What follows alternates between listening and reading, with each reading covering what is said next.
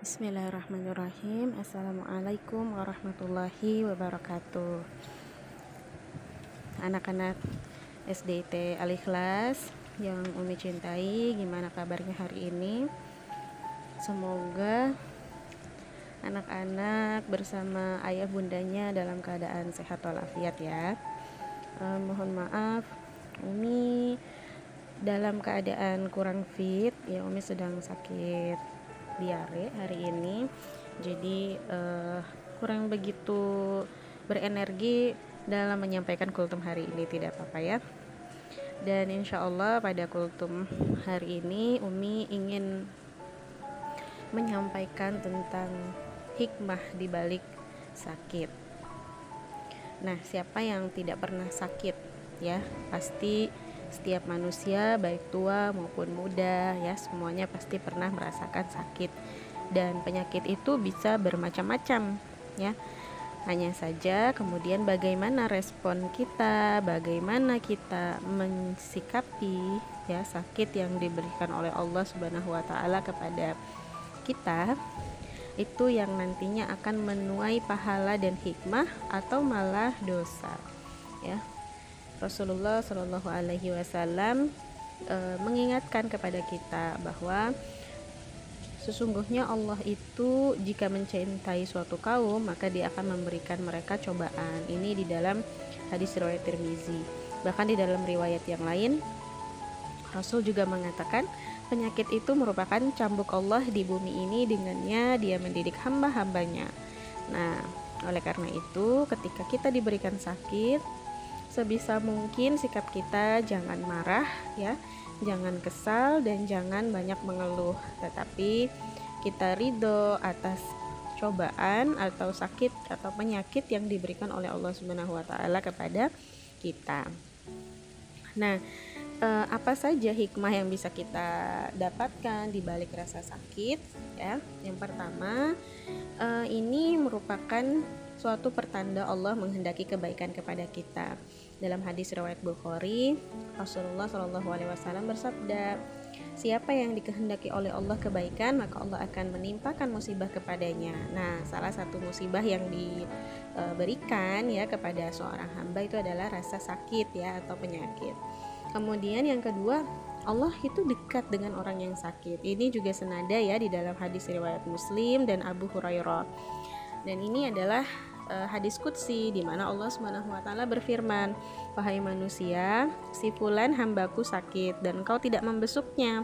Ingatlah seandainya engkau membesuknya, niscaya engkau mendapatiku di sisinya." Masya Allah. Kemudian yang ketiga, sebagai parameter atau sebagai uh, standar ya atau ukuran uh, level kesabaran seorang hamba. Nah, jadi, apakah kemudian nanti kita itu ridho ataukah kita itu berkeluh kesah terhadap sakit yang diberikan oleh Allah? Ini nanti menjadi ukuran kesabaran kita ya. Makanya bersabar dan e, iman kita harus tetap tegar serta e, rasa sabar itu nanti akan memunculkan keridoan gitu sehingga kita tidak boleh banyak berkeluh kesah sekalipun kita diberikan e, rasa sakit oleh Allah Subhanahu wa taala ya.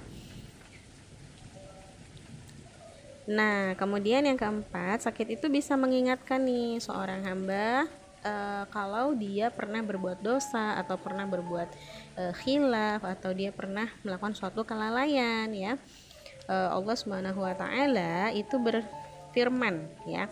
Uh, dan itu didapatkan ya di dalam hadis. Jadi hadisnya adalah hadis kutsi ya Sesungguhnya kami telah mengutus para rasul kepada umat sebelummu, kemudian kami e, menyiksa mereka dengan menimpakan kesengsaraan dan kemelaratan supaya mereka memohon ampun kepada Allah dengan tunduk merendahkan diri. Nah, di sini kita lihat ya bahwa e, dikatakan ya supaya mereka itu tunduk kepadaku yaitu kepada Allah.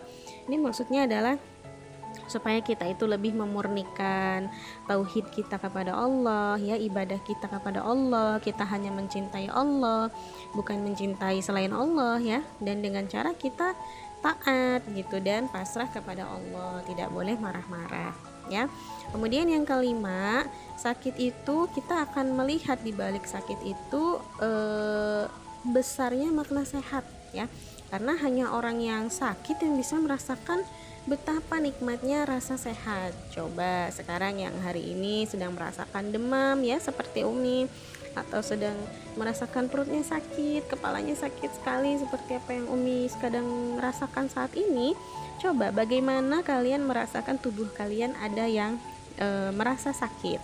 Apakah kalian bisa membayangkan pada saat kalian sehat, kalian bisa memakan apa pun, tapi pada saat kalian e, tidak sehat ternyata makan sedikit saja kalian sudah merasa mual atau pahit. Nah, di situlah letak, masya Allah, ternyata Allah memberikan hikmah ya di balik rasa sakit yang kalian rasakan.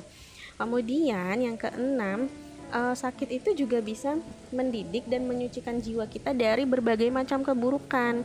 Kalau di dalam uh, Al-Qur'an surat Asy-Syura ayat 30 ya, wa ma asobakum min musibah fabima kasabat aidikum wa ya'fu an katsir.